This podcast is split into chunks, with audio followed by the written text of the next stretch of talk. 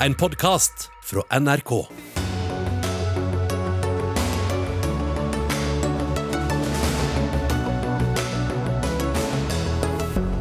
Slakterigiganten Nortura ber om flere besøk fra Mattilsynet etter avsløringer fra norske grisefjøs. De har fortsatt et stort ansvar selv, sier tidligere dyreaktivist. Forskergruppe mener 17 dommer om filleristing av spedbarn kan forklares med alternative diagnoser. De utelater viktig informasjon, innvender de opprinnelige sakkyndige. Norske universiteter har et eget ansvar for å utvikle norsk akademisk språk, så hvorfor snakkes det engelsk overalt? Og til sammen står 1700 jordmorvakter tomme i sommer. En varslet krise, mener Frp, som ber regjeringa ta ansvar. Og dette skal vi fylle den neste timen med her i Dagsnytt 18. Programleder i dag, Sigrid Solund. Først hevdet Nortura at de hadde gode nok systemer for å avdekke dårlig dyrevelferd, men nå ber slakterigiganten om flere kontroller fra Mattilsynet. Det skal bidra til å bedre forholdene for norske griser. Dette kommer i kjølvannet av avsløringene fra dyrevernaktivister som brøt seg ulovlig inn i norske fjøs og avdekket brudd på god dyrevelferd. En del av billedmaterialet er vist på NRK og har vakt både oppsikt og avsky. Og styreleder i Nortura, Trine Hasvang Våg, hva er det dere ønsker dere fra Mattilsynet nå? Eh, vi er opptatt av eh, at det skal føres eh, gode tilsyn. Så vi ønsker oss at Mattilsynet kan ut på flere uanmeldte og meldte besøk. Og i tillegg så er vi opptatt av å få retta ting så fort som mulig hvis det er noe som avdekkes. og Derfor så ønsker vi en mer eh, sømløs og automatisk informasjonsflyt også tilbake fra Mattilsynet til oss. I dag så er det sånn at vi, vi må inn og leite litt for å finne ut hvordan hvilke besetninger de jobber med. Har vi hatt, hatt den oversikten, så har vi fortere kunnet bidratt til en bedre dyrevelferd. Men når dere ikke har den oversikten, hvorfor sa du da for fire dager siden at dere har et godt system for å fange opp eh, brudd på dyrevelferden? Vi har eh, gjort veldig mye siden 2019. Eh, og både i bransjen og internt hos oss. Så vi har gjort veldig mye, fått på plass gode systemer.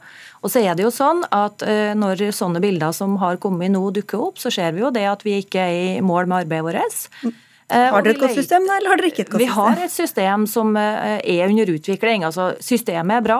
Det ble satt i gang etter 2019. Vi jobber med det, og vi utvikler det og har tro på at det kommer til å bringe oss videre.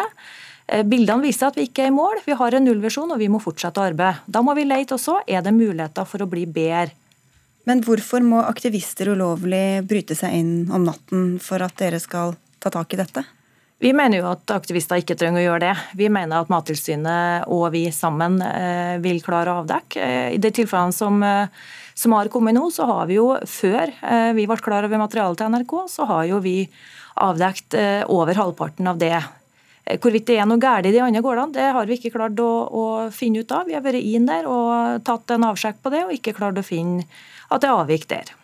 Administrerende direktør i Mattilsynet Ingunn Midthun Godal, er det manglende uanmeldte og for så vidt meldte besøk fra dere som har ført til lidelser hos norske griser?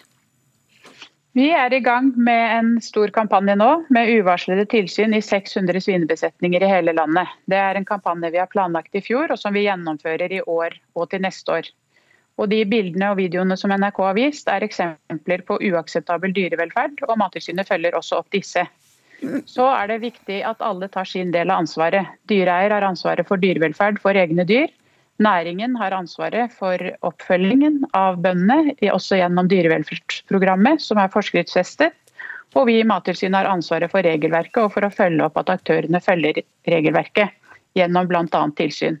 Og så har vi dyktige og dedikerte inspektører som også har jobbet med tilsyn i svinebesetninger i 2019 og 2020 og I 2019 så hadde vi 547 tilsyn, og i 2020 hadde vi 393 tilsyn i svinebesetninger. Og Det er fattet, fattet flere alvorlige vedtak knytta til avvikling, aktivitetsforbud, avliving med mer. Men, men unnskyld, jeg bare spør deg, for du, du, nevnte 2019, og mange av gårdene som aktivistene besøkte i denne omgang, for det var jo en avsløring i 2019 også, eh, men i denne omgang så, så besøkte de gårder som dere omtaler som kjenninger hos dere. Hvor, hvis dette er kjenninger, hvorfor får de bare fortsette å holde på å ha dyr da? Det er det vi kaller kronisk dårlig dyrehold, der dyrevelferden varierer over tid, og den er, der den er til dels uakseptabel og til dels så vidt over det Eh, grensen som regelverket setter. Og Vi jobber med å følge opp disse kronisk dårlige dyreholdene på en mer systematisk måte, med tanke på enten få til en varig forbedring eller få til en avvikling av dyreholdet. Men man skulle vel kanskje tro at hvis det var kronisk dårlig behandling av dyr, så skulle de ikke få lov å behandle dyr, eller? Det har du helt rett i. Og så er jo situasjonen den at i disse tilfellene så er det ofte at dyrevelferden blir litt bedre, og så sklir det tilbake og blir for dårlig igjen. Og vi jobber nå med å ha en mer effektiv oppfølging av disse alvorlige sakene knytta til det å enten få til en varig forbedring eller å få til en avvikling. Og så har vi i tillegg jobbet hardt med andre systematiske forbedringstiltak, bl.a. bedre dokumentasjon på tilsyn, kvalitetssikring av tilsynsrapporter og også en mer systematisk gjennomgang av de 12 000 bekymringsmeldingene vi får, for å sikre at vi bruker ressursene våre på best mulig måte. Men da forstår jeg ut fra det du sa, Våg, at dere vet ikke hvem som da driver med kronisk dårlig dyrehold og ikke? Det er ikke noen automatikk eh, i systemet sånn som det er nå, på tilbakemelding. Det er en automatikk eh, fra oss til Mattilsynet, men det er ikke en automatikk tilbake igjen. Det har, har kunnet bedre situasjonen eh, noe i forhold til å fange opp eh, så fort som eh, mulig og få, be, og få bedra dyrevelferden. Jeg nevnte 2019, og da var det du som var, hadde vært ute i, i Norske Fjøs, Norunn Haugen. Du er i dag dyrevelferdsrådgiver, men du filmet da i skjul i din tid og under falsk identitet i det som senere ble en dokumentar på NRK som het 'Griseindustriens hemmeligheter'. Hva tror du, Hvor vil du legge skylda nå i dag? Ja, jeg tenker at uh, jeg føler at dette er en slags gjentagelse av sist, der Nortura prøver å finne andre å skylde på istedenfor å rydde opp selv. Og tiltakene de skryter av har åpenbart ikke virket. Uh, det får vi se igjen nå. Det er det samme hver gang griseindustrien er under lupen. Så klarer man å finne alvorlige systematiske lovbrudd på samtlige gårder. Det gjorde både Mattilsynet uh, i 2017 og 2018, det gjorde jeg, og det gjorde også nå disse aktivistene. Og så er det også verdt å nevne at Mattilsynets nyeste årsrapport viser at eh, det allerede er 41 eh, av sakene har avvik i, eh, i griseindustrien nå.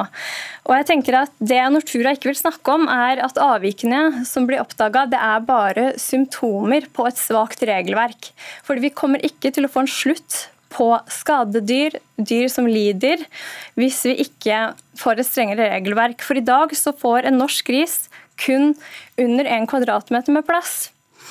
Og de lever på betong hele livet. Det hjelper ikke med dette lille strøet som blir strødd på, fordi grisens viktigste behov er å grave i jorda, og det får de ikke mulighet til i disse betongbingene, og da blir de mistrivsel. Vi skal snakke om regelverket om litt, fordi vi får inn noen som driver og lager det regelverket, nemlig politikerne. Men du kan jo få, få, få kvittere ut hvordan, hvordan har norske griser det egentlig med de reglene som, som vi har i dag? Jeg syns det er litt viktig når, når Norun uh, sier som hun gjør, uh, at vi faktisk vurderer uh, hva er det snakk om i denne saken. Jo, det er snakk om at regelverket ikke er fulgt. Hvorvidt regelverket skal endres, det er en annen diskusjon. Eh, og så beskyldes vi for å ikke ta ansvar selv. Det gjør vi absolutt. Eh, senest på mandag så hadde vi styremøte og ba om en gjennomgang av egne systemer for å finne eh, altså Er det noe i måten vi har organisert det på, er det noe i måten vi jobber på som gjør at vi ikke oppdager ting godt nok? Det er å ta ansvar. Vi peker ikke på andre, men vi har ulike roller. og Sånn mm. som Mattilsynet også nettopp sa. Vi er enige. altså jeg som bonde har ansvaret for dyrevelferden på min gård. Nortura har ansvaret for å følge opp bonden og følge det dyret og kjøttet helt fram til forbrukeren. Mattilsynet skal sjekke oss begge. Men hvordan kan det da ha seg at, at disse feilene og disse overtrampene blir avslørt gang på gang, både av Mattilsynet og av eh, dyrevernaktivister?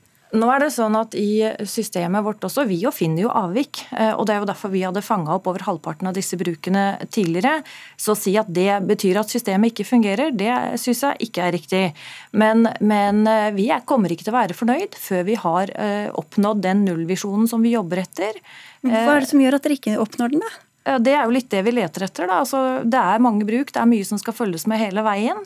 Eh, men vi kommer til å fortsette det arbeidet, eh, uavhengig egentlig av hva Norun tror. fordi at vi har tro på at det systemet som er satt i gang, og da må jeg minne om det at det ble satt i gang i 2019, det er mange som skal implementeres. Vi, rådgiverapparatet vårt osv. Så skal også komme opp til et visst nivå. Vi jobber målretta med dette her. Mm.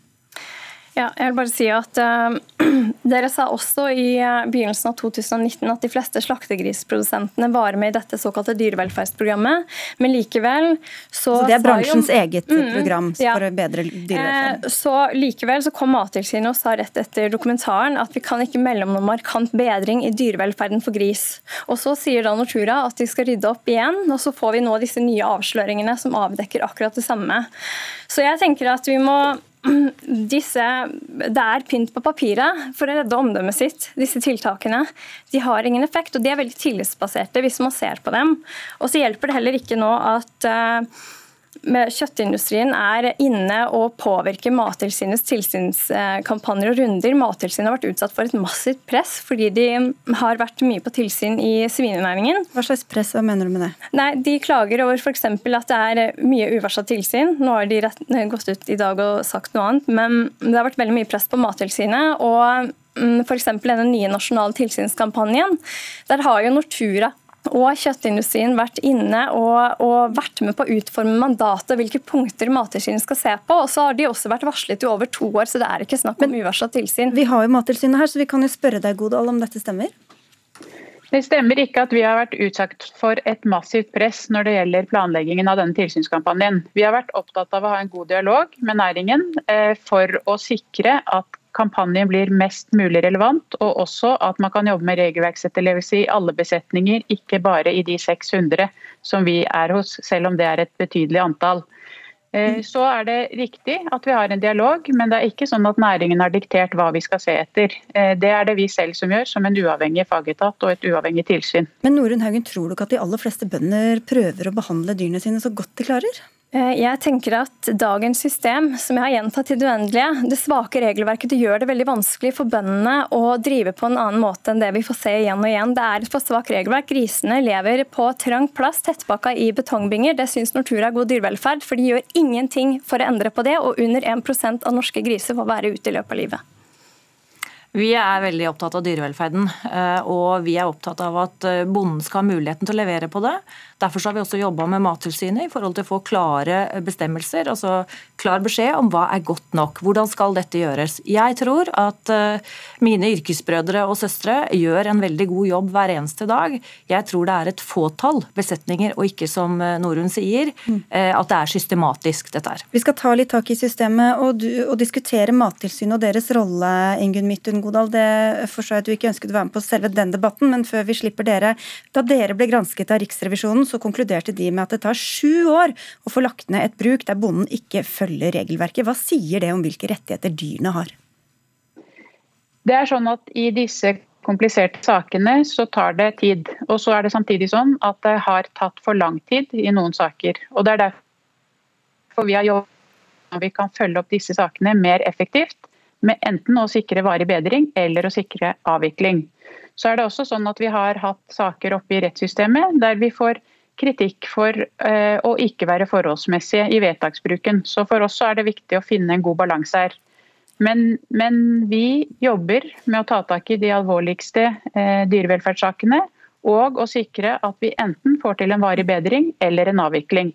Og Vi vil bruke denne kampanjen med tilsyn i 600 svinebesetninger både til å få en generell oversikt over tilstanden i næringen, og i tillegg å identifisere de dyreholdene som vi må følge med ekstra på framover. Okay. Veldig kort, Norun ja, jeg vil bare si at um, Mattilsynet har jo nå gått ut og sagt at de må veie hensynet til bondens økonomi opp mot dyrevelferden til dyra som lider. og Det også mener jeg er veldig alarmerende, for Mattilsynet skal være der for dyrene, ikke for næringsinteresser. Vi tar det med oss inn i neste runde. Alle har hvert sitt ansvarsområde. Nå skal vi til dem som har ansvaret for reglene bøndene skal følge, nemlig politikerne. Takk skal dere ha, Norunn Haugen, dyrevelferdsrådgiver, Mattilsynets Ingunn Midtun Godal og styreleder i Nortura, Trine Hasvang Våg. Holder det da, hvis Mattilsynet oftere drar på besøk til norske svinegårder, eller må det større endringer til? Mattilsynet gjør ikke en god nok jobb med tilsyn av dyr, mener flere partier på Stortinget som vil endre systemet. Dere vil splitte tilsynet i to, stortingsrepresentant for SV Arne Nævra. Hva skal det løse? Nei, altså Poenget er at Mattilsynet det er blitt, de er store og de har mange oppgaver. Eh, og Det som vi snakker om her, er jo tilsyn med dyr, altså dyrevelferd og dyrehelse. Så vi mener at Hvis du hadde et dedikert dyretilsyn, så hadde de hatt helt klare oppgaver, nemlig å passe på dyras eh, velvære.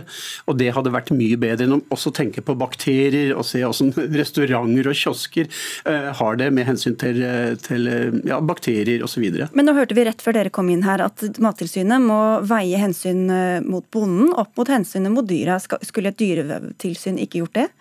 Altså selvfølgelig så skal de ta hensyn til eh, andre samfunnsspørsmål også, men først og fremst så vil de måtte tenke på eh, dyrevelferdsloven. Altså Det er det avgjørende de skal følge.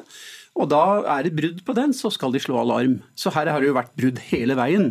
Og jeg syns det har vært en Hva skal vi kalle det? Det har vært Altså, Det er andre gang det blir tatt med buksa ned, og det gjelder hele kjeden. Fra bonden via kjøttindustrien til Mattilsynet og til statsråden og politisk ledelse i departementet. Det har vært svikt hele veien. Jeg satt jo her for to år siden og så snakka om det samme. Nå gjentar det seg. Vi er nødt for nå å si at dette går ikke lenger. Og politisk ledelse, det er eh, deg. Det er statssekretær Vidar Skogan. Vi inviterte landbruks- og matminister Olaug Bollestad, men hun sendte deg i dag også. Er, er det en god idé med et eget dyretilsyn? Nei, jeg syns ikke det er en god idé. Og Arne Nævra har jo ikke fått med seg det arbeidet som faktisk skjer. Altså, Vi er midt i en ryddesjau i svinenæringa. Eh, og det er fordi at Mattilsynet gjennom en tilsynskampanje avdekka helt urimelige forhold i, i for stor del av svinenæringa. Så ble det satt i gang et grundig arbeid, og det arbeidet er nå godt i gang. og For ett år siden så er alle svinebønder i Norge pålagt både dyrevelferdskurs, veterinærbesøk osv. om du er liten eller stor produsent. Og så Men er det gitt at de som skal rydde opp, er de som, samme som har rota til, eller? Og så kommer finalen. Eh, Mattilsynet skal ut nå på 600 eh, svinebruk. Vi har 2300 i Norge. Og det er Veterinærinstituttet som har laga et system for hvordan vi skal ut og, og, sikre at vi får et godt bilde av dyrevelferden. Så vi må ha tidsløpet med oss. Det starta med Mattilsynet i 2018. Eh, det fullføres av Mattilsynet nå i, i årsskiftet 21-22 med besøk på 600 bruk. og da kan vi gjerne sette oss igjen Arne Nævra, og diskutere hva er den faktiske situasjonen. For Det er også vi veldig opptatt av, for dyr skal ha det bra. Og De bildene vi så er, er langt ifra bra. så vi skal vi har en del i næringa som henger etter, men alle tall viser per nå at antall sår går ned, antall skadetilfeller går ned, eh, avvik lukkes eh, raskere enn før. Og så har vi fortsatt et forbedringspotensial. Men utviklinga okay. er riktig. Ja, men hvis, altså, Skogan, ja. eh, altså, Statsråden din sa for to år siden eh, Bollestad, at dette her skal vi gjøre noe med. Altså, Nå tar vi tak i det. Vi skal få dyrevelferdsprogram. Hvordan syns du det har gått? Ja, det det. Resultatene? Ja, Resultatene er veldig bra så langt. Altså, dyrevelferdsprogrammet ble jo eh, forskriftsfesta i juni for ett år siden. Og det er jo det som pålegger. Altså, før hadde ikke alle svinebesetninger disse påleggene. Nå har alle disse påleggene. Da skal de granske seg selv, så å si, nei, nei, nei, i bransjen? Nei, I stor grad er det jo det vi snakker om, Skogan. Nei, vi gjør ikke det. Altså, veterinærer er ute og skal på større besetninger tre ganger i løpet av året for å sjekke dyrevelferd. Mindre besetninger én gang i året. Og så har vi en rekke avvikssystem. Mattilsynet har sitt system som går på eh, regelverket. Og så har vi Animalia, som er næringa sitt eget avvikssystem. Og der er det slik at eh, Næringa sjøl har jo stoppa bruk fordi at det er for dårlig dyrevelferd. Fordi at Slakteriene tar ikke imot dyr fra bruk som har dårlig, dårlig dyrevelferd. Så Poenget mitt Arne, er liksom at vi er i en ryddesjau. Det var helt nødvendig. Jeg er helt enig i det. Og så avvikles en rekke bruk i denne perioden, og så skal vi få fasiten når Mattilsynet nå har vært ute på 600 Ok, jeg skal bare spørre deg, men altså, Man kan jo se for seg at dyr er noe mer enn mat også. Hva, hva sier du om eh, synet på dyr og dyrs egenverdighet? Det er at mattilsyn som skal passe på at de har det bra? Ja, men Mattilsynet, da må du jo gå inn og se hvordan lovverk de skal eh, forvalte. Og Det er helse, og det er velferd, og det er mattrygghet og matsikkerhet. Det er jo ikke mat alt som går så, på fire bein. Så, så, ja, men Dyrevelferd handler om mer enn mat. Eh, de har også ansvar for kjæledyr. Det har ikke noe med mat å gjøre. slik at vi har et eh, Men hvorfor, man, hvorfor, ikke ha et eget dyrevelferds... Ja, en, ja en, en, grunn til det er jo at eh, vi, vi, er et langstrakt land, og vi skal ha et mattilsyn over hele landet. Bare i de nordligste fylkene, ikke sant, så jeg har Mattilsynet i dag en 12-13 lokaliteter, kontor osv. De har tverrfaglige oppgaver. De har litt på fiske, de har på kjæledyr, de har på produksjonsdyr osv. Hvis vi skal splitte det opp og ha parallelle tilsynssystem i Norge, så blir det fryktelig dyrt og ineffektivt. Ok, men Nevra, Er det holdningene til de som jobber i Mattilsynet det er noe galt med, eller er det ekspertisen din, eller hva er det som gjør at du ikke har tiltro til dem? Jeg, altså jeg, har, jeg mener at de har for små ressurser, det er første punkt. Men Da kan du bare beholde Mattilsynet og så gi dem mer penger, da. Nei, de skulle hatt mye mer dedikerte oppgaver som går på dyrehelse og dyrevelferd. Men det er jo en del av oppgavene de, de ja, har i dag? Ja, oppgavene, men husk på det, sånn som, sånn som Skogan sier nå, og i nordlig landsdel er det få ressurser. Da har de flere oppgaver, sier du, og så kommer de med, med husdyr og kjæledyr og, og, og, Altså, det er jo det vi snakker om. Det er jo de ressursene, det. Men de kunne hatt, vært under én en eneste enhet, og det er, det er, et dyretilsyn. Men hva hjelper det hvis, hvis Mattilsynet får mer ressurser og drar oftere på besøk, sånn som vi har hørt at de skal gjøre nå? Hva er da problemet? Ja, poenget er det at det har vist seg at hvis du har et dedikert tilsyn, så får du et helt annet faglig miljø. Husk på det at de andre, de Mesteparten av ressursene det går til de andre sektorene i Mattilsynet nå, det er vi enige om. Og Hvis du hadde reindyrka Dyretilsynet, så, det, så, mener vi det hadde hjelpa. Men det verste er jo at Mattilsynet lar ting gå. Det ble nevnt her før innslaget at det går i snitt sju år. Det pekte Riksrevisjonen på.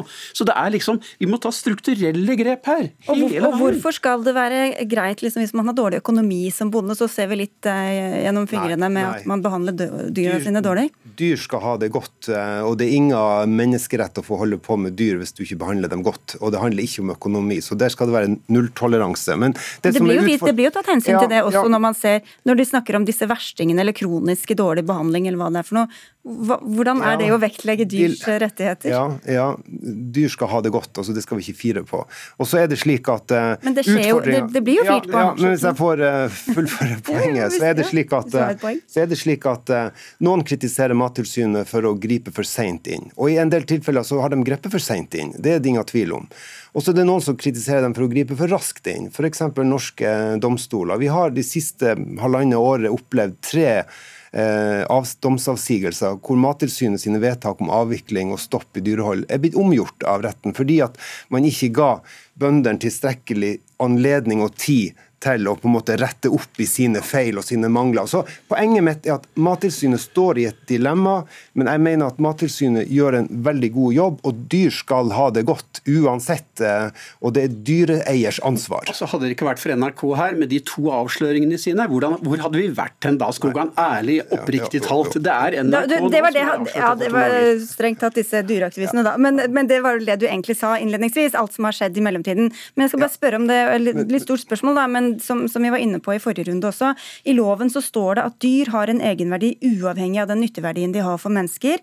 Dyr skal behandles godt og beskyttes mot fare for unødige påkjenninger og belastninger. Og når en gris på 100 kg har en kvadratmeter på et betonggulv å boltre seg på, er det da i forhold til, altså Blir loven da overholdt?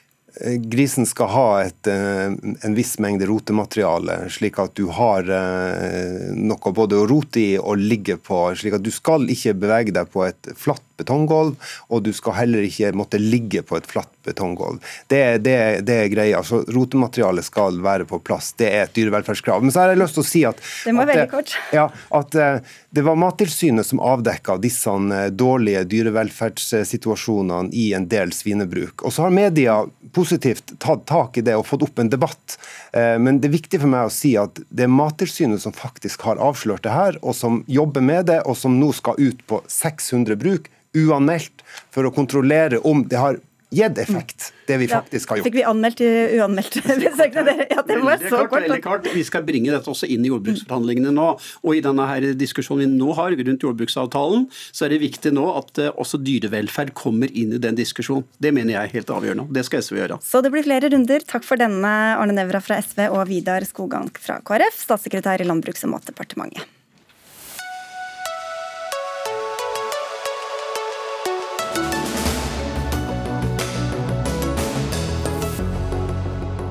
Skal du føde barn i sommer, bør du følge ekstra med mot slutten av denne Dagsnytt 18-sendinga. Eller kanskje ikke. Da skal vi nemlig snakke om jordmormangel ved norske sykehus. Men nå, var det filleristing eller kunne noe annet forklare skadene? En gruppe forskere har gått gjennom 17 norske dommer mellom 2004 og 2015, der foreldre ble dømt for å ha filleristet spedbarna sine, og hvor de sakkyndige konkluderte med shaken baby syndrome. Samtidig presenterer forskerne bak rapporten alternative diagnoser som kunne forklare skadene hos barna. Dette er sendt til Riksadvokaten. I fjor høst satt vi også her. Da gikk dere gjennom den juridiske biten av saken. Hva er nytt nå sammenlignet med da, Knut Wester? Du er professor emeritus i nevrokirurgi og en av de fire som står bak denne artikkelen. Før jeg eh, svarer på det, så har jeg lyst til å bare ta opp en liten ting og avklare det til å begynne med. Fordi eh, Arne Stray Pedersen, som er min med- eller motdebattant her, Eh, ifølge NRK hjemmesider så avfeier han hele den nye rapporten og mener at den inneholder uriktigheter. Kan vi ikke komme dit etter hvert, da? For folk må skjønne hva sakskomplekset dreier seg om først? Jo, det kan jeg godt gjøre. Eh, men jeg hadde tenkt bare å spørre om han faktisk, med de uttalelsene som ligger på NRKs nettsider nå, anklager oss fire forfattere for forskningsjuks. For det er ganske alvorlig. Ja, men jeg tenker at det er vanskelig for seerne og lytterne å sette seg inn i saken ja, før de vet hva dere har, ja. har, gjort og hva dere har sett på. Så hvis du bare tar det først. Det nye nå er at vi har, og det er jo det samme uh, materialet som vi gikk gjennom med den, uh, den uh, artikkelen vi publiserte i fjor, bare at den var vinklet juridisk. For vi har to juridiske professorer som medforfattere. Nå, og da sa Riksadvokaten at dette var for tynt til at han kunne agere på grunnlag av denne artikkelen. Nå har vi gitt eh, de medisinske premissene for hva vi mener, og hvorfor vi mener at det er noen gale diagnoser her. Ja, altså De som ble dømt for å ha filleristet barna sine, der kan det ha vært andre alternative årsaksforklaringer? Absolutt. Nå vil jeg si at det er ikke alle som ble dømt. Det var forskjellige grunner til at noen ikke ble dømt. Men hos alle barna, alle de 17 barna, så var diagnosen at dette var en påført hodeskade. Vi får ta inn dem med en gang, da. Arne Strei Pedersen, overlege og førsteamanuensis i rettsmedisin ved Oslo universitetssykehus, og altså en av tre som har vært sakkyndig i disse sakene. Eh, du får eh, kvittere ut denne saken på nrk.no, da. Det, beskylder du dem for forskningsjuks, eller hva er dette for noe? Altså, vi, eh, jeg ble oppmerksom på den artikkelen på torsdag i forrige uke. Og det er jo ikke sånn at jeg kan se alle de 17 sakene, men jeg kjente jo igjen flere av de. Eh, men jeg kjente jo ikke igjen beskrivelsen av sakene. Sånn at det vesentlige var at f.eks. blåmerker ikke var beskrevet. Tallrike bruddskader både i ribbein og knokler ikke var beskrevet. Vi kan være uenige i vurderingene. for at En lege gjør jo vurderinger som er subjektive på et eller annet tidspunkt. Men vi kan ikke være uenige i premissene. så de, øh, Skadebildet til barnet det, det, må ligge fast. Så det er ikke forskning det de har holdt på med, sier du? Altså Det jeg sier er at uh, uh, her er det veldig mange utelatelser. Sånn at når et barn kommer inn på sykehus, som, og man skal lage en diagnose, så må man jo ta hensyn til hele skadebildet på barnet. Man kan ikke bare plukke ut noe, også fordi at det passer til sin egen øh, øh, diagnostiske tankegang. Mester. Men øh, da må du konkretisere hva som mangler. Det kommer ganske løse påstander at dette er unøyaktigheter. Det er ikke riktig, det er ikke korrekt. Men da må vi vite hvilke pasienter og hvilke skader er det vi ikke har nevnt. Det blir kanskje vanskelig å ta dette på lufta, men Torleif Rognum, du er en av de andre sakkyndige også. Du er professor emeritus i rettsmedisin. Hvordan vurderer du denne rapporten fra Vester og flere? Først vil jeg si at eh, Det er jo veldig prisverdig at sakkyndighet, eh, sakkyndigerklæringer ettergås, overprøves, falsifiseres. Det er, det er bra, det er prisverdig. Men da må jo opplysningene som uh, de nye sakkyndige så å si, kommer med, de må være korrekte. Og de medisinske funnene må være riktig beskrevet. Jeg også så denne artikkelen nå uh, nokså nylig. Og jeg har vært rettsmedisiner i snart 40 år, og jeg gjenkjente jo mange av sakene hvor jeg har vært sakkyndig. Og bare for å, altså, eh, Professor Wester etterlyste eksempel, og da øynene mine falt helt på toppen da, på ett eksempel. Der beskriver han en, en gutt på seks uker som innlegges fordi at han har et hovent lårbein. og Så påviser man et brudd, og så oppdager man tilfeldig at det er eh, væske- og blodansamling under den hårde hjernehinnen og noen gamle ribbebrudd som han mener skal stamme fra fødselen. Det er det som står, og så er det netthinneblødninger på den ene siden. Altså I virkeligheten så var dette en gutt som hadde vært i tallet, mange ganger hos legevakt, hadde hatt eh, slimhinneblødninger i munnen, eh, ble innlagt, og det ble påvist dette da var han seks uker gammel, påvist dette bruddet i lårbeinet. Man var veldig bekymret for hele tilstanden, og det ble meldt til barnevernet og politiet. Og etter tre uker ble han utskrevet. Da gikk det ikke så lenge. Han hadde besøk av barnevernet en gang, og så ble han innlagt dagen etter. Eh, svært dårlig, svært elendig.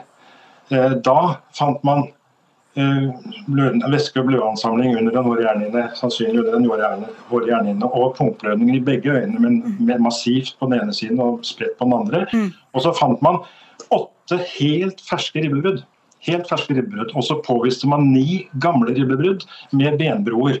Og så gikk man på røntgenbildene ved forrige innleggelse, og da var, det, var de der helt ferske. Så han har altså 17 17 ribbensbrudd. 17 ribbensbrudd, og ingen av de stammer fra fødselen. Okay, Vester, hvorfor dette går ikke frem i, mm. i, dette her. Så dette er en helt annen sak enn det som er blitt beskrevet. Og dette er ikke enestående. Mange av sakene har tilsvarende uh, diskrepanser. Vester? Eh, dette er antagelig vår pasient nummer to, som han eh, beskriver der. Og er det slik at vi ikke har snakket om det lårbruddet? Du har ikke snakket om 17 ribbensbrudd som er ferske? Nei, jeg spør, nå spør jeg, Har vi ikke snakket om det lårbruddet? Jo, jo. Ja, det ja, og hva, hva, forklarte vi det med? Ja, altså det, det, var noen spekulasjoner en gang at det skulle skyldes en sånn legeundersøkelse for hofteleddsdysplasi, og det er vel ikke tatt helt alvorlig. Men for å ta det overordnede, Wester, har dere tatt med alle mulige symptomer og brudd og alt som er? Det har vi, og det er bare å gå i den tabell 1 som vi har. Der står alt. Det står ikke nødvendigvis at det er 17 ribbensbrudd, men det står at den gutten er født fem uker prematurt. Vi vet at premature har en dårlig kalkholdighet i skjelettet.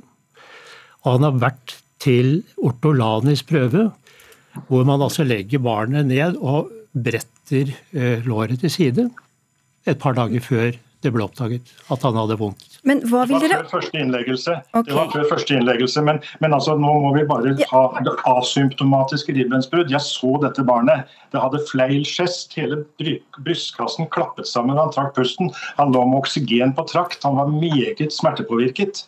Det, hvis vi prøver å ta det litt overordnede her, Wester, hva er det dere vil oppnå med dette og gå gjennom disse sakene på nytt? Det overordnede problemet det er jo at eh, rettsmedisiner i Norge, men ikke i Sverige, eh, baserer sin diagnostikk på at de gjør bestemte medisinske funn hos barnet, radiologiske og kliniske medisinske funn, som de mener er forenlige med at barnet er filleristet.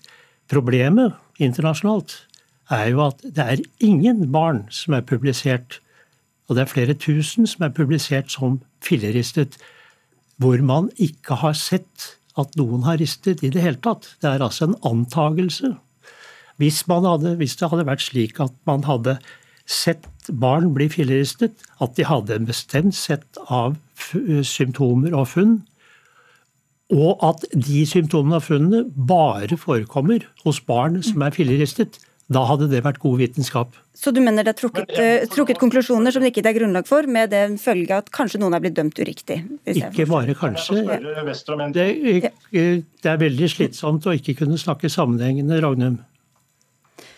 Ja, Ragnum. Ja, altså, eh, jeg bare lurer på, De sier at disse ribbebruddene de var gamle og de var stammet fra fødselen.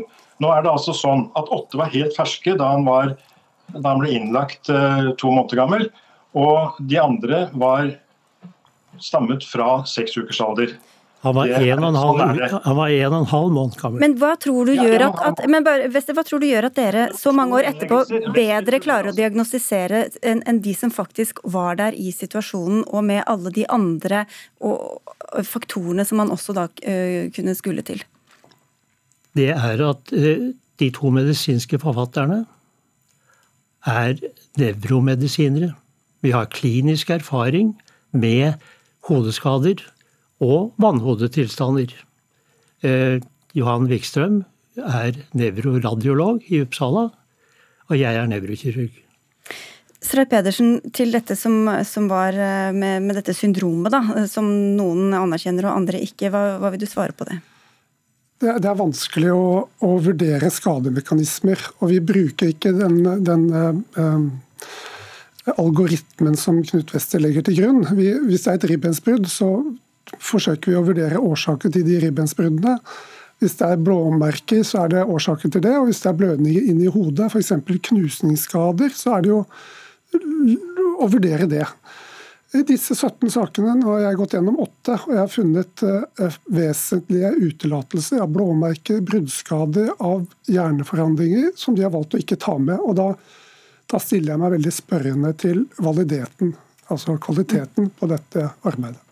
Men da må jeg be om å få dokumentert konkretisert nøyaktig hvor er det vi har gjort noe galt. Nå skal vi bruke de medisinske tidskreftene og svare der. Det er det man skal gjøre. Men nå er dere her, da. Vi skal snart få slippe dere. Men, men du har jo vært sakkyndig i mange av sakene, Stre Pedersen, og det er jo veldig vanskelig for mange mennesker, vet jeg i hvert fall, å innrømme feil eh, i ettertid. Hvordan kan det spille inn også på hvordan man ser på, på sitt eget arbeid? Og Jeg er villig til å, å, å, revurdere det. og Da jeg så det, denne rapporten, så det er derfor jeg gikk rett inn i sakene for å se om det var grunnlag for å tro at vi hadde gjort det gærent. Det hender at vi, eh, ja, at vi ser at vi må revurdere måten å gjøre det på. Fortsettelse følger, skal vi si det? Dere får følge med i Kan jeg bare få lov til å komme med en liten ja. kommentar? og det er at Dette materialet er jo høyst påfallende. Eh, det er åtte gutter som ser ut som de har ekstern hydrocefalus. Det er sånn som kjønnsfordelingen er. Det er 31 barn, 31% som er født prematurt. Den nasjonale raten er 6% Ok, men jeg tror vi må ta, fortsette okay. dette i, i de uh, akademiske spaltene. Takk skal dere ha, alle tre. Knut Wester. Eller i rettssalen. Eller i rettssalen. Og Arne Stray Pedersen og Torleif Rognum.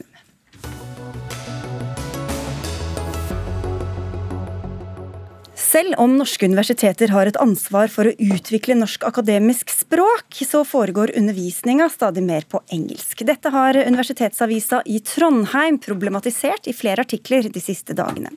Der snakker blant andre du om at engelsk fortrenger norsk som arbeidsspråk, Viggo Gabriel Borg Pedersen. Du er universitetslektor ved NTNU. Hvor er det engelsk har tatt over for norsk hos dere? Eh, det jeg opplever, er at overtar, nei, engelsk overtar stadig mer i interne møter og eh, interne seminar. Eh, slik at jeg ikke kan bruke morsmålet mitt på de arenaene der. Så ser vi at på en del av bachelorutdanninga så får studentene kun engelsk undervisning. Dvs. Si de får kun litteratur på engelsk, og forelesningene blir òg på engelsk. Tor Grande, vel, ja. Engelsk overalt. Tor Grande, prorektor for forskning ved NTNU. Hvorfor skal ikke undervisning og møter på et norsk universitet foregå på norsk? Som Pedersen gjør det for, er litt av den dilemmaet vi står overfor i, i, hverdagen på et universitet i, i Norge, hvor, hvor vi både må bruke norsk og engelsk. Og, Det er viktig at vi er, mm, har en bevisst eh, bruk på språk. og det, det, er riktig som Pedersen sier, at Noen ganger så må vi snakke engelsk, og noen ganger må vi snakke norsk. Også i undervisningssammenheng. Og det er vel sånn Pedersen, at rundt en tredel av de vitenskapelig ansatte ved NTNU ikke har norsk eh, statsborgerskap. Hvordan skal de klare å følge med, da, hvis ikke alle snakker eh, engelsk? Det tror jeg er veldig enkelt. De må lære seg norsk. Sånn er det når en kommer til et nytt land, så vil det bli en del ting, eh, nye ting å forholde seg til. Noe av det viktigste å forholde seg til i et land, det er språket. Og det vi ser, det er at mange eh, fremmedspråklige kollegaer, jeg kjenner flere eh, på mitt eget institutt, både fra Grekenland, Russland og Tyskland de snakker veldig bra norsk etter veldig kort tid. Mens andre igjen de tilegner seg ikke norsk på samme måten. Og det er vel sånn at eh, man skal lære seg norsk innen tre år, at det er et krav, Grande. Men så sier ansatte ved NTNU at de ikke har sett noen konsekvenser dersom dette kravet ikke blir møtt. Hvordan skal dere være med på å utvikle et norsk akademisk språk hvis ikke engang forskerne snakker eller underviser i, i det?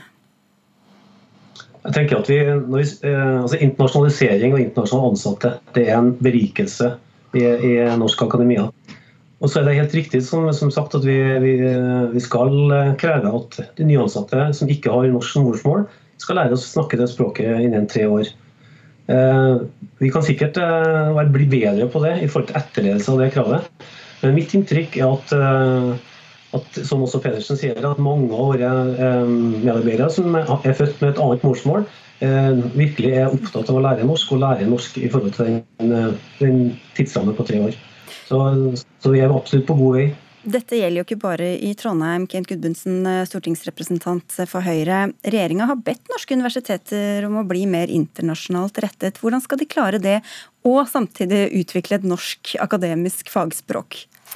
Ja, Det må gå an å ha to tanker i hodet samtidig. Eh, og Selv om vi fra Stortinget, både gjennom ny språklov, men også en tydelig eh, ansvarsplassering eh, i universitets- og høyskoleloven, har forventninger til sektoren, så skal man jo både kunne lage strategier for å imøtekomme dette på en god måte, ha en god ledelse som har ressurser og sett av tid til å klare å gjennomføre dette. Eh, men så må man også erkjenne, tror jeg, og det er liksom litt viktig som, som vi hører dem inne på her, at hvis Norge skal ha ambisjoner om å være verdensledende, tiltrekke oss de skarpeste hodene, eh, vi skal delta på de internasjonale forskningsarenaene, ja, så vil det jo være helt naturlig at eh, man bruker mye engelsk. Så jeg tenker jo at vi må ha strategiene, vi må ha ambisjonene og vi må ha klare forventninger, og det har vi fra storting og regjering. Hvordan skal de løse det i praksis, når de både ja, skal gjøre det ene og det andre? Ja, ikke sant. Og det, det sier det er et dilemma. Og det vil være, være veldig personavhengig, vil jeg anta. Noen har gode forutsetninger for å kanskje raskt lære seg et språk, samtidig som noen er fremragende forskere som er veldig ettertraktet, som vi ønsker å rekruttere, eh, og som kanskje ikke er like flinke. Men da tenker jeg at det må man greie å løse der og da i institusjonen. fordi at Målet vårt må jo være at vi skal ha fremragende miljø. Det tjener samfunnet og næringslivet eh, i sum på. Tor Grande, det er ikke bare Pedersen som har eh, kritisert dette. Universitetslektor Tormod Aagaard skriver i Universitetsavisa at citat, NTNU som organisasjon mangler språkpolitisk ledelse. Det er der problemet ligger. Hva, hvor blir det av den språkpolitiske ledelsen hos dere?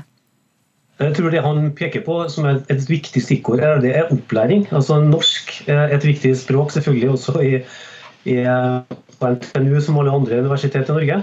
Og Det han peker på, er opplæring. Og Det som kanskje han også peker på, er at eh, det å ha nok kapasitet i forhold til opplæring, der er det, der er det viktig at kapasiteten på en måte følger med behovet. For det vi ser jo at vi stadig rekrutterer enda mer eh, personer utenfra. Så, så, men opplæring er viktig, helt klart, og det må settes av tid.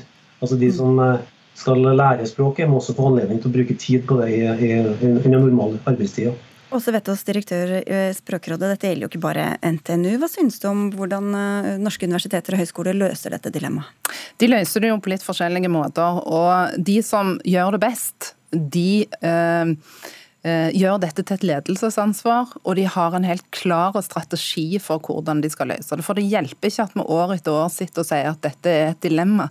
Her går det an å finne gode løsninger, men språkpolitikken må forankres i de overordna Eh, strategiene til institusjonene, og det må fylles opp som det ledelsesansvaret det er at det skjer. Det går ikke an å basere seg på inntrykk og synes det går bedre nå eller mener det var verre før.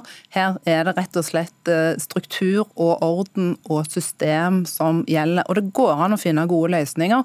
Og det som er så viktig, det er at eh, vi trenger ikke velge det ene eller det andre. Vi kan få til begge deler, og vi kan få bevisste språkvalg som gjør at studenter studentene får det fagspråket de trenger, at forskerne eh, kan kommunisere med fagfeller i utlandet, at vi får det gode arbeidsmiljøet vi skal ha. Og så tror jeg òg vi må erkjenne at eh, de som blir ansatt i universitets- og høgskolesektoren, og som kommer utenfra, de er arbeidstakere i Norge og vi kan stille språkkrav til dem akkurat på samme måten som vi stiller språkkrav til andre arbeidstakere som kommer til Norge og skal jobbe. Men så vil vi ha internasjonale studenter, og vi vil eh, publisere internasjonale tidsskrifter. Hvorfor er det så viktig å ha også et norsk fagspråk?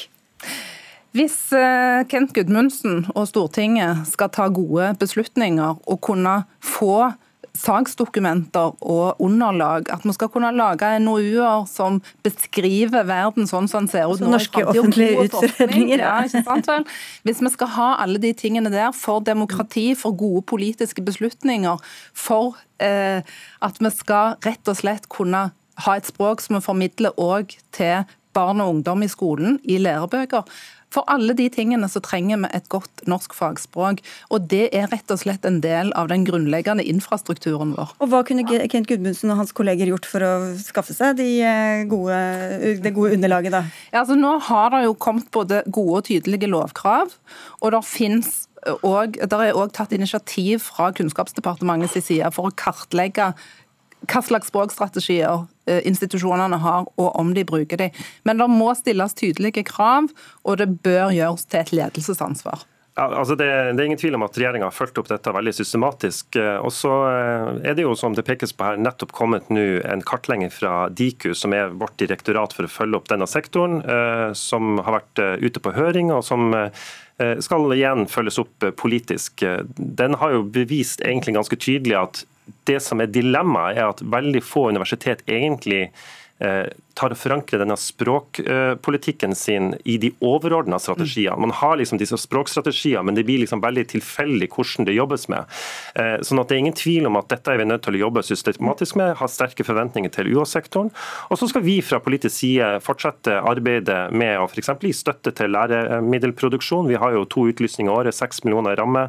Og så er det jo en database som UiB eh, forvalter. Universitetet i Bergen? Som, eh, Universitetet i Bergen, ja. ja det er mye stammespråk her. ja, sant. Eh, Eh, som, som, er med på å hjelpe disse terminologiene som man bruker i, i sektoren, og som man, man mm. må få bedre ord på og få bedre konvertering på, sånn at du får et godt fagspråk. Men Tor Grande, det pekes på at dette er et ledelsesansvar. Du sa selv at man trenger å sette av tid og eh, opplæring. Og hvor mye tid og opplæring og systematikk har dere ved NTNU på dette området?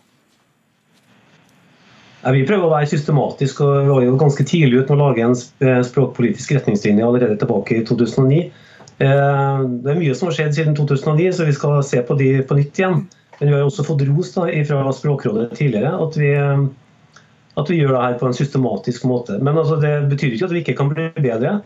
Og som, som, vi også vet nå, så er det jo et enda større vilje til og, og en ambisjon om å få enda flere både studenter og ansatte med, i forhold til mobilitet. At vi både har flere studenter som drar ut og flere som kommer inn. så det, det dilemmaet, eller la oss si den eh, utfordringa med å, ha en bevisst bruk av språk, eh, det vil bare øke i tida framover. Så vi må være enda mer systematisk i vårt arbeid.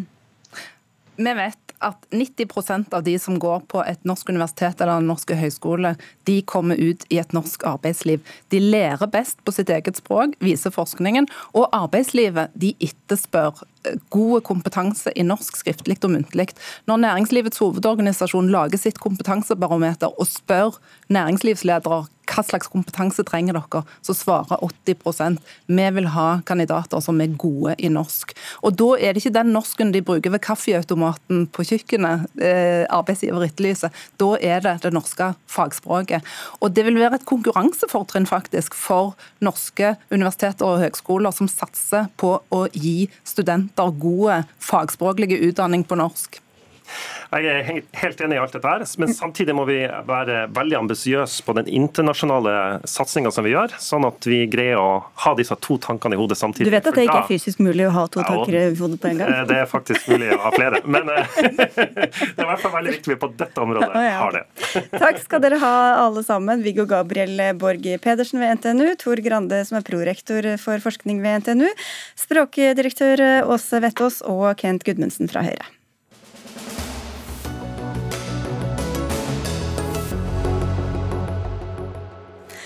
Fød flere barn, ba statsminister Erna Solberg. Men de som kanskje tok oppfordringen og ligger an til å føde i sommer, kan risikere å få en jordmor som løper inn og ut mellom fødestuer. hvis de får jordmor i det hele tatt. For nye tall fra Den norske jordmorforeningen viser at i alt 1700 jordmorvakter over hele landet står tomme i sommer. Frp-leder eh, Sylvi Listhaug, du kaller dette en varslet krise. Hvorfor er det et treffende begrep? Det har jo vært et problem over mange år, eh, og vi ser at vi mangler da kvalifisert personale rundt omkring i landet. Det er utrolig viktig at vi nå får opp dampen, sørger for å utdanne flere. Og at vi også nå får en plan på bordet for at vi rekrutterer flere innenfor helsefagarbeideryrket, sykepleiere, jordmødre. Altså kvalifiserte helsepersonell som vi kommer til å trenge mange av flere, over, flere av framover. Og så er det som du sier at Vi ønsker at folk skal føde flere barn. Og Da må vi også ha et godt fødetilbud. Jeg har jo selv fått tre barn. Jeg vet hvor utrolig viktig det er at du er i hendene på kvalifisert personell. Ved siste anledning, når jeg fikk min siste sønn, ja, så tok jeg hastekeisersnitt og følte virkelig på hvor viktig det er å ha flinke folk, kompetente folk rundt seg. Det er vel ikke jordmoren som utfører hastekeisersnittet, men poenget er tatt, eller hva, Karl Erik Grimstad, du er medlem av helse- og omsorgskomiteen for Venstre. En varslet krise? Ja, Det blir jo ikke rare debatten ut av dette her. For jeg er jo helt enig med Sylvi Listhaug at dette er en eh, krise som vi har hatt eh, hver sommer. Så lenge jeg har vært helsepolitiker, så har vi, så har vi hatt denne situasjonen at vi har spesielle utfordringer om sommeren. Og Det fører til at noen avdelinger må slås sammen, det nedlegges midlertidig en avdeling, flyttes over. Eh, og det er, det, er vanlig, det er, helt vanlig, og det er en del av oppdraget til de regionale helseforetakene å fikse det, og det, og det gjør de, for de har gode planer. Men i år så har vi selvfølgelig en ekstra utfordring i forbindelse med innreise. Eh, og Vi har bemannet opp med danske og svenske jordmødre. Det, den situasjonen får vi ikke i år. så vi, Den er verre å planlegge for i år enn det har vært tidligere. Det, men det er de regionale helseforetakene i god gang med. Og Det er jo da spesielt for i år. Men du advarer på, på generelt grunnlag å drive med sånn, skal vi kalle det import av arbeidskraft, Sylvi Listhaug, og kaller det usolidarisk? Jeg mener det er viktig at Norge greier å utdanne flere sjøl. Og så er jo det klart at det er kirurger som gjennomfører hastekeisersnittet. ja. Jeg trodde ikke at du ikke visste det, selv om du kanskje var i narkose. jo da, men vi er avhengig av å ha jordmødre som da ser at det er behov for å ta hastekeisersnitt Mm. Eh, og Det er derfor det er så viktig at vi er i gode hender, alle damer som skal føde rundt omkring i landet. Men det mm. som Fremskrittspartiet er opptatt av, er jo at man ikke bare nå skal liksom si at det er helseforetakene sitt ansvar, alt mellom himmel og jord. Men si det at nå vil vi altså pålegge å sikre at man utdanner flere. At man tar kostnaden i helseforetakene, gir da eh, lønn under utdanning at man mot at det da binder seg til å jobbe i en periode på sykehuset. At man også kan gi 100% stilling hvis de ønsker det. Dette er viktige grep hvis vi skal sørge for at det kommer flere kompetente jordmødre. Da kan ikke vi hele tida bare sitte og peke på helseforetakene, men ta litt mer styring fra departementets side. Det er det Fremskrittspartiet savner i denne saken. For Du viste til helseforetakene, Grimstad. og I går sa statssekretæren eh, i Helsedepartementet Maria Gjerman Bjerke mye av det samme. Hun sa vi forutsetter at alle helseforetak gjør det de skal, nemlig å lage gode bemanningsplaner og sørge for forsvarlig bemanning gjennom sommeren. Det har vi gode erfaringer med. Men hvor mm. gode er de erfaringene da, når man får den samme krisa hvert eneste år?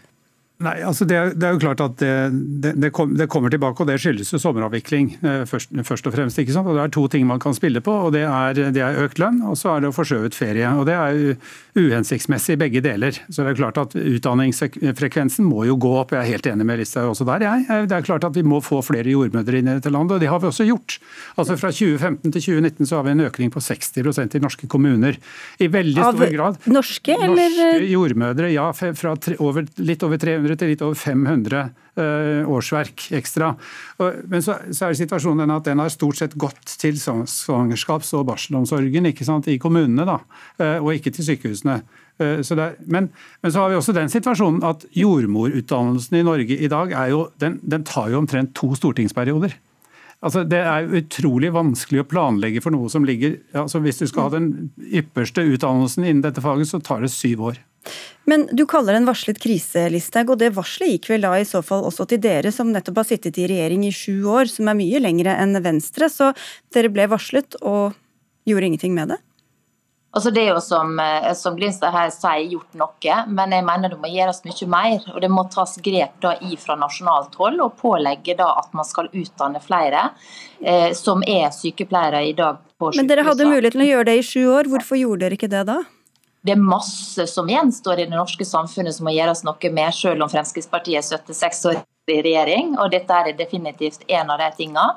Og Det handler om å da trygge de fødende rundt omkring i Norge. Og Det er jo ikke riktig som Grimstad sier at det er bare under sommeravvikling at dette er et problem.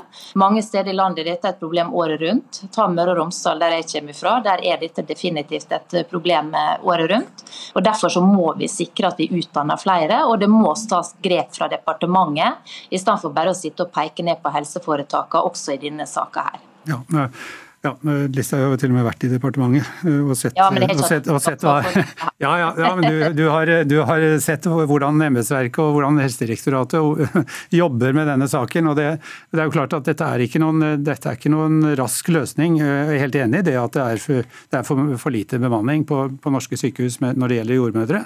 Eh, men, vi, og det må, men hvorfor tar det så lang tid å utdanne flere, og, og må det sånne grep til som, som Listhaug skisserer? Altså, utdanningsløpet er, det sa du at det tar lang tid, men på et eller annet tidspunkt så må man jo sette ja, i gang. Ja, ja, og, det er, og, det er, jo gjort, ikke sant? Ikke minst i, i revidert nasjonalbudsjett for, for 2020, som, som Sylvi Listhaug var med på å forhandle fram, så fikk, vi jo, så fikk vi jo, jeg tror det var 250 nye eh, stillinger til altså utdanningsstillinger til spesialsykepleiere og til eh, inklusive jordmødre. Som det ble satt av penger til ja, ble, for å gjøre det? På eh, RBN fra i fjor. Mm. Og, det, og det, er, det, er, sånne grep som må tas, selvfølgelig. Men det er jo ikke Altså, den situasjonen vi står oppe i nå, er jo helt, er jo helt spesiell.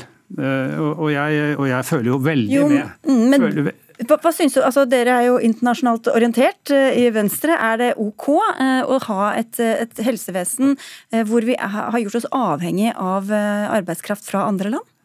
Ja, det er jo ikke noe problem å importere arbeidskraft fra andre land. Det er, det er, det er jo helt greit. Usolidarisk, sier Listhaug. Ja, men det, det, er jo klart at det er det overfor, overfor, de landene. og Grunnen til at de kommer hit er jo fordi de får så god lønn. Og det er jo selvfølgelig, Så kan du si at dette er dårlig økonomi å drive på den måten. Men, men, jo... men å, dekke, å, dekke, opp vakter med eh, vikarer fra andre land, det gjør jo også andre land. Eh, henter leger fra Norge. Listhaug?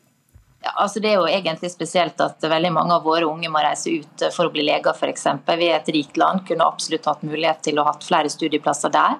Når det gjelder sykepleiere, så vet vi at veldig mange som søker seg inn på den utdanninga, ikke får plass, eh, til tross for at vi har et skrikende behov om flere hender innenfor denne, eh, denne bransjen.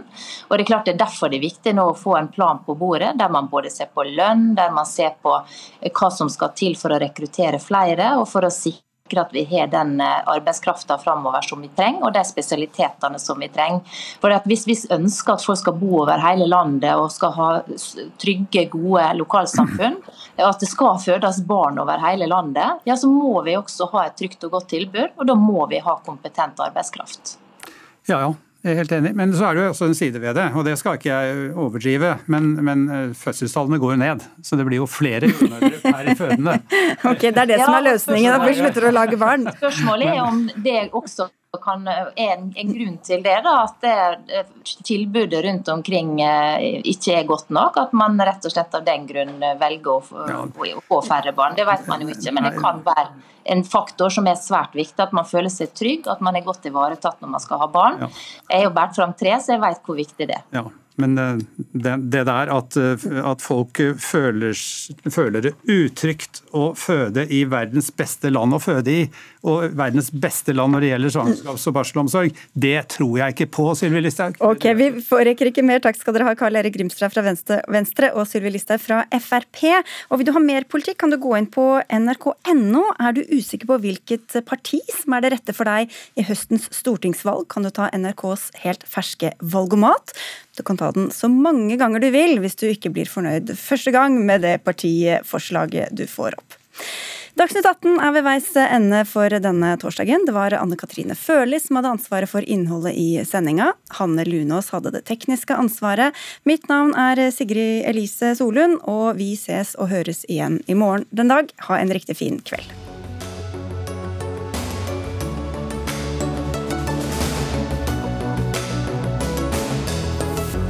Du har hørt en podkast fra NRK. Hør flere podkaster og din favorittkanal i appen NRK Radio.